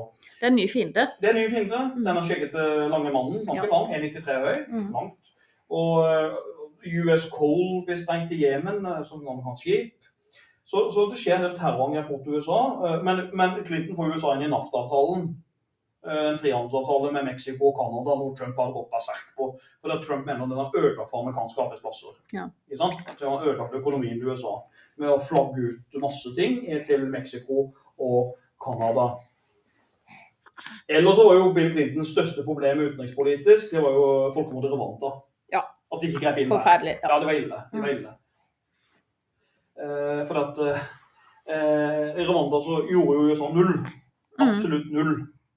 Og det angrer han på. Han skrev det i biografien hans som jeg leste, at det var hans største politiske tabbe. Det var ikke Lewinsky, men det var eh, faktisk eh, Rwanda, folkemordet der.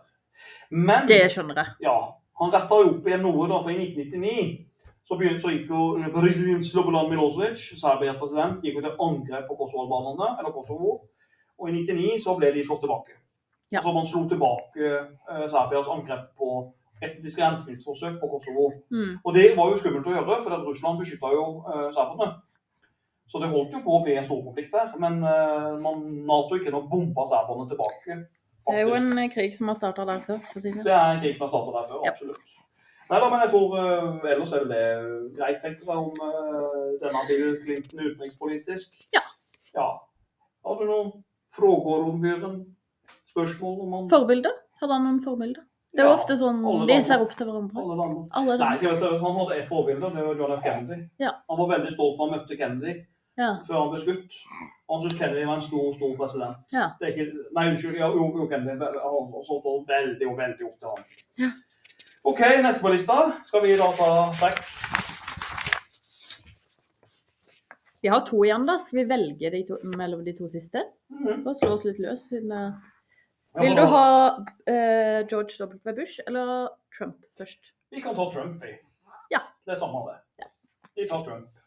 Vi må Bli ikke- ferdig med han. Ja, det er med fyren. Donald Trump. Så du, som jeg skjønte du er stor fan av, Å ja? jeg setter deg på skolen med sånn Trump-caps. Sånn rød caps. Meg Bjørbeck greit igjen. Yes. Og så har du sånn eh, på fua di, sånn eh, tatovering, eh, Donald.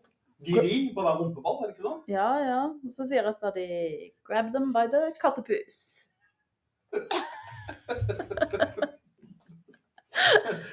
That's all locker room talk. Det er bare locker room talk. Nei, det Ja. er vanskelig å være seriøs når man skal snakke om Trump, men Ja. i- han fortjener jo det. Han har vært president. Ja, han har det. Nei, men skal vi ta Trump også? Trump Ja, vi gjør det. var president i en periode foreløpig. Mm. Slagordet var jo 'Make America Great Again'. Ja. Eller et, eventuelt 'White Again', hvis du ønsker å si det. Ja. Og øh, noen sier jo 'Andrew Jackson is back in town'. Dette er en president som ligner fryktelig mye på Andrew Jackson. Ja. USAs 20. president. Ja. Folkelig type, øh, gæren, snakker rett fra levra. Eh, Du vet aldri hva han gjør. Han er u- ustabil, han kan virke ustabil, men jeg tror han er mye mer kalkulerende enn det vi tror. Mm. Ikke undervurder fyren. Nei. Folk, kan- du kan godt mislike noen, men aldri undervurder han. Eh, vil jeg påstå. Han er jo 1,90 cm høy, har han på rullespisen, en mann. veldig glad i fast food. Ja. Det er jeg ikke i tvil om. Og så har han kjent sitat at han har aldri sett en tynn fyr drikke lightbrus. Så det er bare å drikke sukkerholdig drikke. Ja. Det, er bare, det er alltid feite folk som drikker eh, Men han har tysk, tysk familiegener. Ja, men han stemmer. har tyske røtter. Er litt irsk òg, tror jeg. Fyren er født i rikdom. Ja. Og det er en morsom historie om Donald Trump. Han skal jo være folkets mann. Men når han var liten, så gikk han med aviser. Ja. Og det er greit nok. Men, Men- men rente, Ja. så fikk han kjøretur i limousinen ja. og egen tjener som holdt paraplyen for mens han putta i postkassa. Ja. Så ja, ja. Han klarte seg. Eh, så fyren er jo ikke, han, er- han er jo flink til å være folkelig uten å være folkelig. ja det, er, det er fascinerende. Og så er det jo TV-programmet The Apprentice. Ja. Kjent for The Apprentice. You're fired, sa han. Ja. sånn. Fyren er jo ikke en idiot. Store hoteller, kasinoer, eh, Home Alone 2. Aha. Ja, gjesteopptredende. Ja, Mhm. golfbaner. eh, eget universitet. Han har egen Trump-vodka. Ikke glem det. Og flaskevann med Donald Trump på. Det er gøy at han har vodka når han er avholds. Ja, for Donald Trump er avholdsmann. Ja.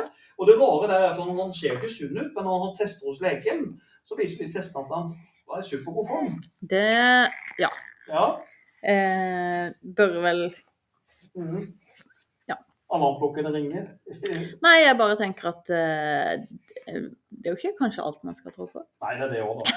Men Trump Tower, som han bor i, Ja. det er helt sjukt. Det er altså de- Han har de tre øverste etasjene i Trump Tower, og det er 3000 kvadratmeter med bolig. Og sånn sånn gulltoalett. Ja. Det er en fin fyr. Men han er, det som jeg så synes er spennende med Donald Trump, er at han er en annerledes type. For at nettopp han er ikke politiker. Nei. På en måte så er fyren undervurdert, og på en annen måte er han overvurdert. Ja. Så han er en veldig spennende fyr å følge, og media elsker jo å hate ham. Hvis ikke media hadde gitt oss oppmerksomhet, så hadde de ikke fått makta si. Nei, nei, nei, er du Det er gal. nettopp det det går på. Så ja. Og han eh, Hvis vi går på innenrikspolitikken, da, Mm. og på det politiske, så beseirer han jo Hillary. Han gjorde det. Eller unnskyld, Crooked Hillary, som han kalte det for. Ja. Skurken Hillary Clinton. Ja. Nei, men tenk, Han knuste Hillary Clinton i valgkampen i 2016. Hvem hadde trodd det? Han, altså, Hillary Clinton som er så erfaren og dyktig på utenriksminister, senator Ja, Så ja, ja. kommer den klovnen der, mener mange, Ja. og, og slår henne. Hvorfor gjorde han det? Mange grunner til det. Men jeg tror nok det at han ble sett på som ærlig. Ja. Altså, han, som, som, faktisk, han er æ- uærlig, ærlig. Igjen den dobbeltheten med fyren. Ja. Han snakker rett ut. Og eh, den populismen han kjører, den likte jo hvite arbeidsfolk i USA. Mm. Han appellerer til hvite menn, særlig hvite menn, i de gamle industristedene. F.eks. som Michigan, eh, Illinois, Chicago-området. Altså det du kaller sånn eh, rustbelte i USA, Ja. der de har hatt industri før, men mista det pga. kanskje NAFTA-avtalen som Clinton-familien eh, gjennomførte. ja, for det er jo arbeidsplasser kanskje han vant på. At Ja, han og, skulle ja, og det som er styrken til Donald Trump politisk, er at han er god med økonomi. Han er veldig bra på Ja. økonomi. Det er ikke tvil om. Og det er der han har stor tillit på velgerne. Det viser jo alle undersøkelser. Han er svakere på andre ting, men økonomi er han jo sterk på. Ja. Og f.eks. McDonald's, tilba- altså McDonald's får også gevinst for Harley Davidson tilbake til USA. Ja. Det skal ikke produseres i Mexico. Dette er amerikansk. Mm. Det er symbolsk viktig for mange. Så han er selvfølgelig stor fan av president. Reagan. Ja, stor fan av Reagan. Og det ser vi på de skattekuttene han gjorde òg. Trump lykkes jo veldig mye innenrikspolitisk. Han hadde jo tax cut, eller såkalt skattekutt. Ja. Han reduserte selskapsskatten fra 35 til 21 Det er ganske mye. ja, det er mye. Ja, så næringslivet fikk mye skattekutt, for de skulle ha arbeidsplassen i USA. Ja. Og dette minner veldig om det Ronald Reagan gjorde. Mm. Veldig mye. Og så klarte han å få tre utrett- utnevnelser til Høyesterett. Eh, der han fikk utnevnt tre veldig konservative dommere. En som het Bor eh, Barrett, Barrett Kavanaugh. Og så var det Barrett Kavanaugh, og siste var Gorsuch, tror jeg. Jeg tror det uttales Gorsuch. Ja. De tre er veldig konservative. Det er jo homofili og abortspørsmål. Ja.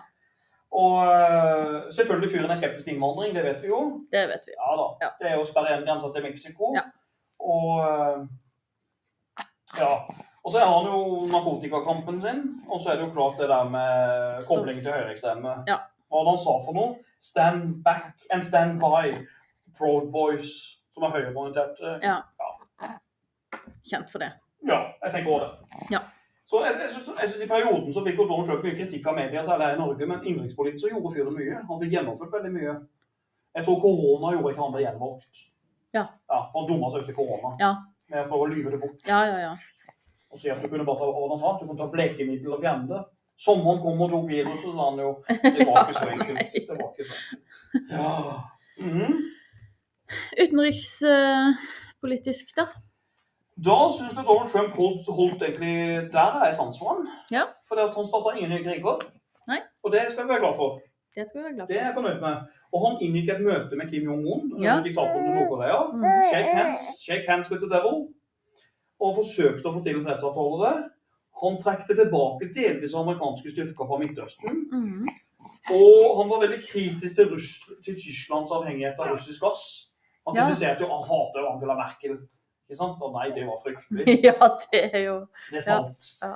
Eh, og så var det jo det han gikk til angrep på litt grann på Nato og mente at USA kunne ikke betale så mye av gje- regninga for å holde Nato drift oppe.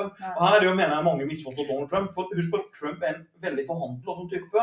Trump støtter Nato, men han drev og pusha Nato og Ja. later som ikke han ville være med i alliansen. For han vil at de andre skal bidra og betale mer. Ja. Dette er et skuespill. Ja, ja. Selvfølgelig støtter Trump Nato. Men eh, USA vil ikke betale hele regninga. Det er helt fair. Samme det greia sa Gerald Ford tilbake i sin tid, Mm. faktisk.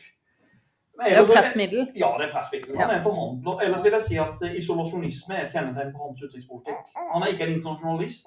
Han vil ikke bruke FN så mye. Han vil ikke kjøre imperialistiske kriger. Dette er klassisk iso- i- isolasjonistisk president. Ja. Og er jo veldig kritisk til Det er jo sånn, eh, sånne- Amerika først. ja, det er Ja. Amerika først. Og så veldig kritisk til Irak. Irak.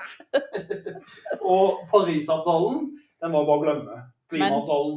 Kull. Ja, kull. kull. Ja, takk. Kull er gull. Men eh, grønn energi er tull. Var ikke det et sånt eh, spørsmål han fikk? Det var jo en eh, fyr som stilte et spørsmål til eh, Trump om kull. Ja, og det var Nei, jeg bare husker at eh, outfiten hans gikk jo helt eh, viralt, og alle kledde seg ut som han som stilte det spørsmålet på halloween. Ja, ja, ja han der rare eh, Ja. Han tykke. Ja, Ja, det var genialt, det der. ja. Ja, for Han sa et eller annet sånt spørsmål om clean call, og så kom det en rappsang òg. Det er en sånn dårlig rappsang av han uh, Vredal Jankovic. Yo, shmo, yo, yo, clean call, et eller annet sånt. Jeg skal ikke begynne engang, men det var veldig vittig. Ja. det var kjempebra. Ja, Ja. Det var gøy. Det er noen folk som ser. Men eh, interessant med Donald Trump i den debatten nå, hvordan han opptrer i debatter, ja. er interessant å se, for han sier jo ting som er totalt uventa. Sånn nasty woman. Du blir jo veldig sjokkert av hva han sier. Plutselig sånn voff. Oi, hvor kom den fra? Ja. Eh, Så, så fyren er jo veldig, veldig forskjellig fra de vi har sett tidligere politisk. Tror du han kan bli gjenvalgt? Å gud, det var et godt spørsmål. Da får vi se hva, hva retten Altså, han er jo rettssak nå. Og Ja. ehm, Det er jo litt utfall av den, da. ja, det jeg tror da veldig godt, men dette var et råd som vi ser om eh, tiden vil dømme meg for å ta feil. Hvis han kommer brukbart ut av dette her med rettssystemet nå, så tror jeg de har gjort en kjempetabbe. De har gjort en kjempetabbe med å dra han inn i alle rettssaker nå, Mm. fordi at han kan øke populariteten Ja. på det. Og det vil han sannsynligvis gjøre. Det er litt sånn der eh, à la Clinton, at de har kjørt ham for hardt. Jeg vet det. Ja. Og da vil det til slutt snu imot. Mm. Men skal Trump bli gjenvalgt, så må han vinne egentlig kvinner som Lulin. Moderat politiske kvinner i sentrum politisk. Moderate meninger. Eh, som har små barn, som du sitter og holder på fanget nå. Som vil være med og snakke. Som vil være med, ja. Og som ikke er feminister, men heller ikke sånn eh, kjempekonservative. Altså, han vil vinne tilbake de. Velkommen. De, de stemte på han mot Hillary. Ikke de kjedelige, intetsigende folka. Det var dine ord. ja. Nei, men skal vi si det er greit med Donald Trump? Han, han, må, han må få noe mer kvinnelig velkåre, så tar han det. for Biden har jo veldig drametekke. Mm. Nei, egentlig ikke. Men vi får se. vi får se. Det blir en spennende duell mellom to gamle senile menn igjen, kanskje. Ja, det gjør jo det. Ja, skal vi se til siste på listen? Da er vi på George W. Bush. Ja. Det er jo ikke nødvendig å trekke siste. Nei, Nei, det vi blir har litt jo sånn allerede valgt. idiotisk å gjøre. Mm. Skal vi bare si en ting om Bush? Texas, cowboy. Det er cowboy. Det er cowboy. Og krigen mot terror. Krigen mot terror, helt enig. Men George W. Bush, pappaen var jo George Herbert Walker Bush, og han sleit jo veldig med alkohol. Han var alkoholiker, han. Men det, ja. Ja, han var alkoholiker. Så- Så visste han førerkortet til å kjøre til full, da. ja så det er fulle fedre. Det, da blir det president. Tydeligvis. Og så var han fjern slektning av tidligere president Franklin Pur- Pierce. Tenk på det. Å, ja. Hm. De ligner litt sånn. så det er bilde. Han var middelmådig på skolen, men var veldig sosial og intelligent. Det er så typisk øh, Bush, vet du. Når Bush gikk i valgkampen, så litt sånn som Trump. Så han hadde en politisk rådgiver som het Carl Rove, og så sa Carl Rove til han at skal du vinne valget, så må du ikke bli den rikmannssønnen, men du må bli den typen man har lyst til å ta en øl og, øl og burger med. Ja.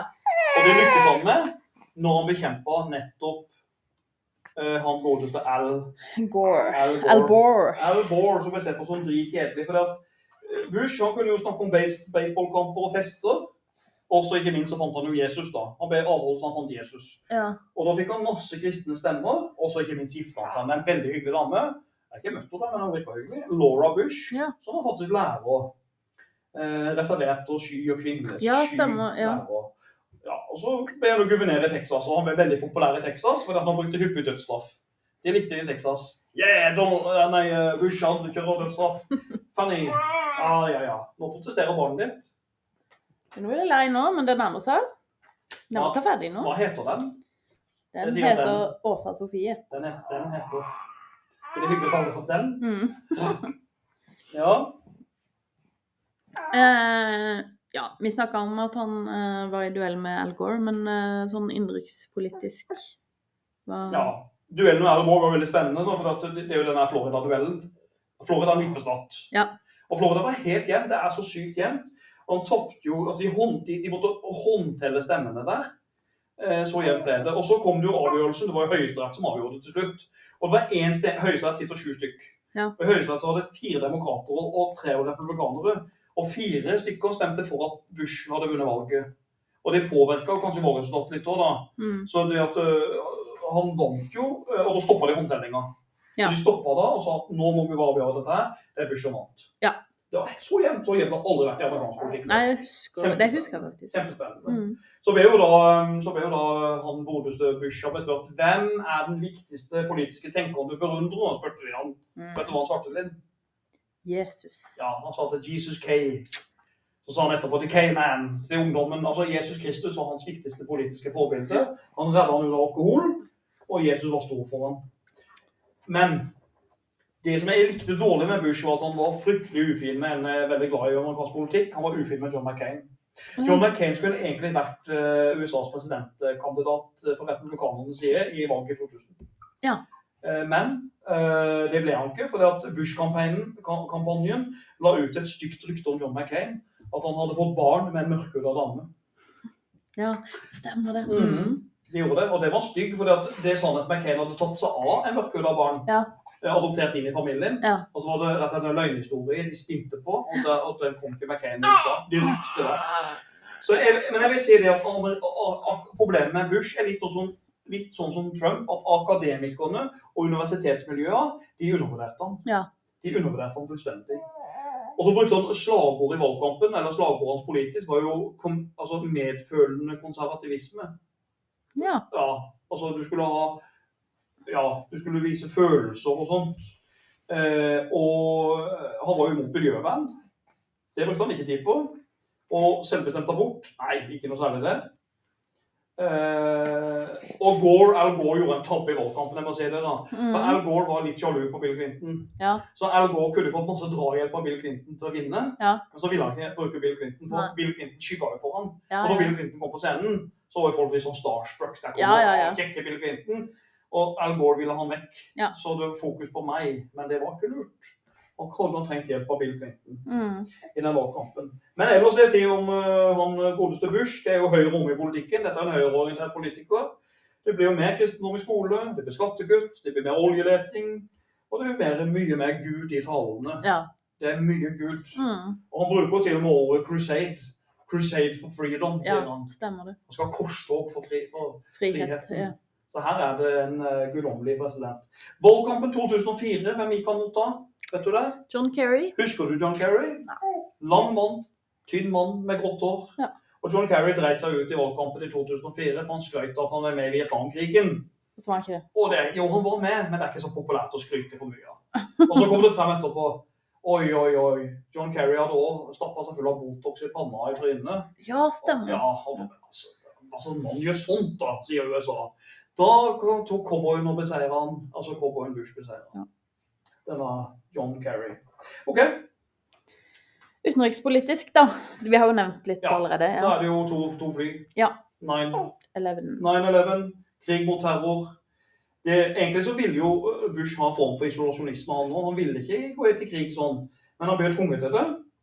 Eh, mener han sjøl, da, når han ble angrepet av disse terroristene.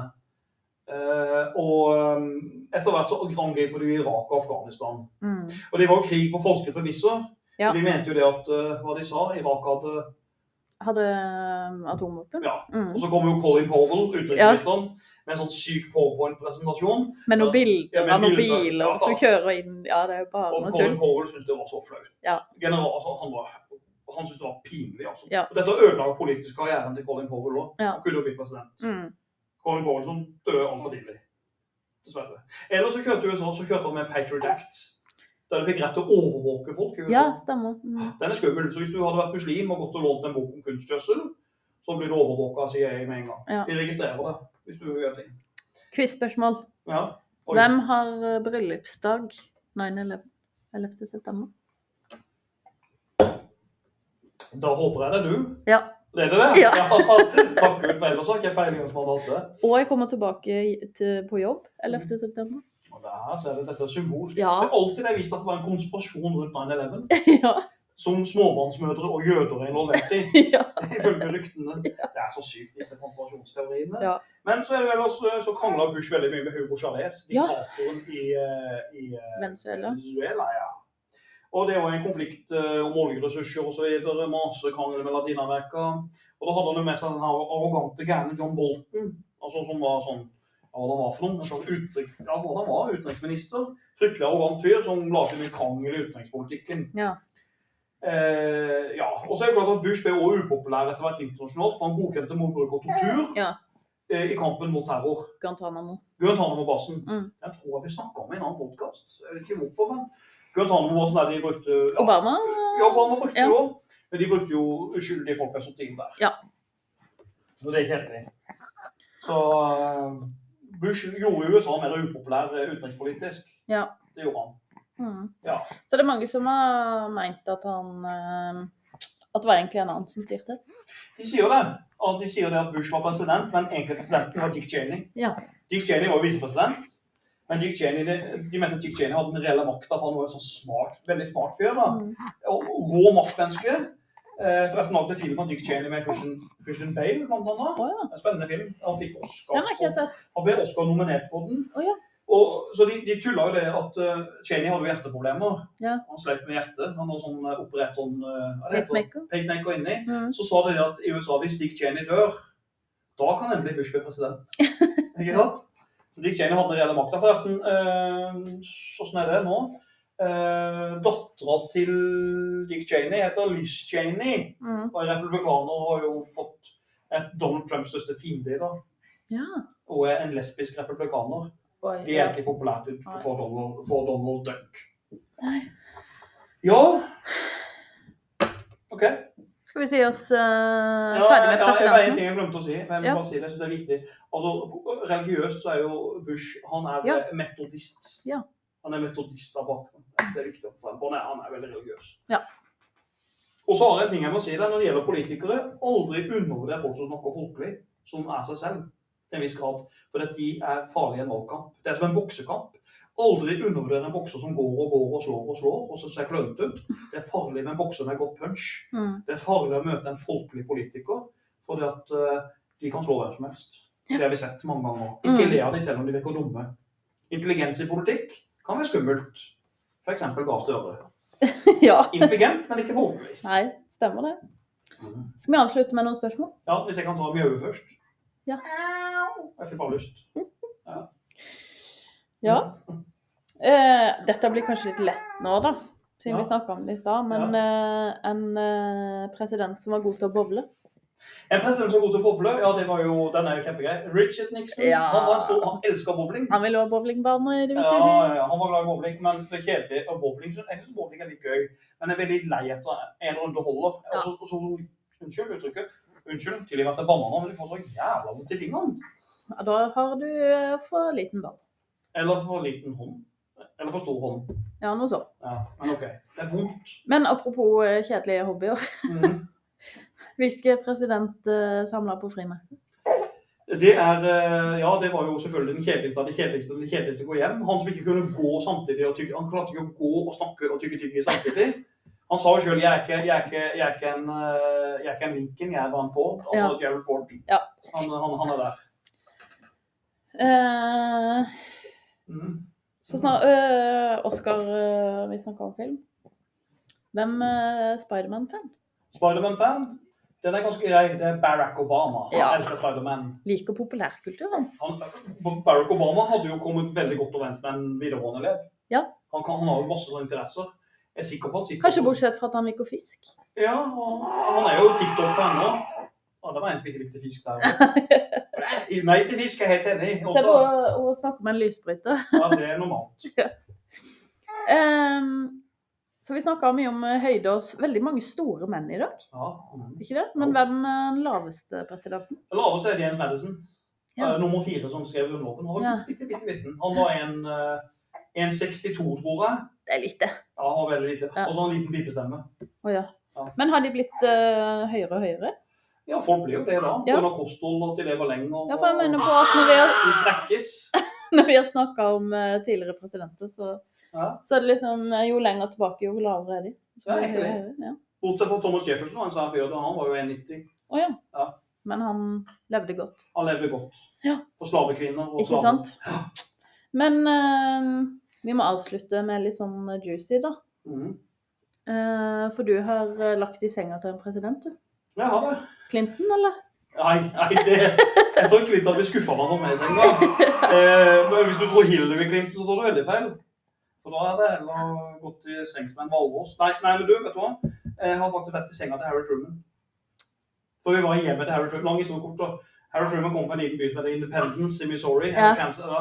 Og da var vi jeg var på besøk der, så var huset hans åpnet opp, så vi kunne gå inn i hjemmet hans. Ja. Og så ble jeg trøtt i beina. Jeg var sliten i beina på døren, så Ja. la jeg meg i senga og slappa av. Og da ble de sure på meg, da. Jeg fikk ikke lov til å ligge i senga til, til Harry Truman. Det var dårlig gjort. Jeg har altså vært i senga til Harry Truman, det er stort. Ville du lagt eh, gått til sengs med Bill eller Hillary Clinton? Nei, du, det skal jeg ikke svare på. vet, du hva, det, vet du hva, Jeg er veldig heterofil, men det, det spørsmålet her vil jeg ikke svare på. Det, det er som å spørre vil du ha pest eller kolera. Vil du ha Nei, nei. nei, Det, det, det er mulig å svare på. Ja. Det Er det ikke greit å avslutte med noe du ikke klarer å svare på? Jo, det er jeg ikke å svare på. For det, er så, det spørs hvem du har lyst til å våkne opp med, vet du, da. så snakker ikke deg inn i øynene. Ja. Mm, For da hadde jeg blitt veldig redd da det våknet opp med Hillary. Ja. Nei, men skal vi si den eh, Den er grei. Ja. God sommer. Ja, det er sommer, så men nå, det er sant Det det. er sommerferie. Juhu! Woohoo! Howdy!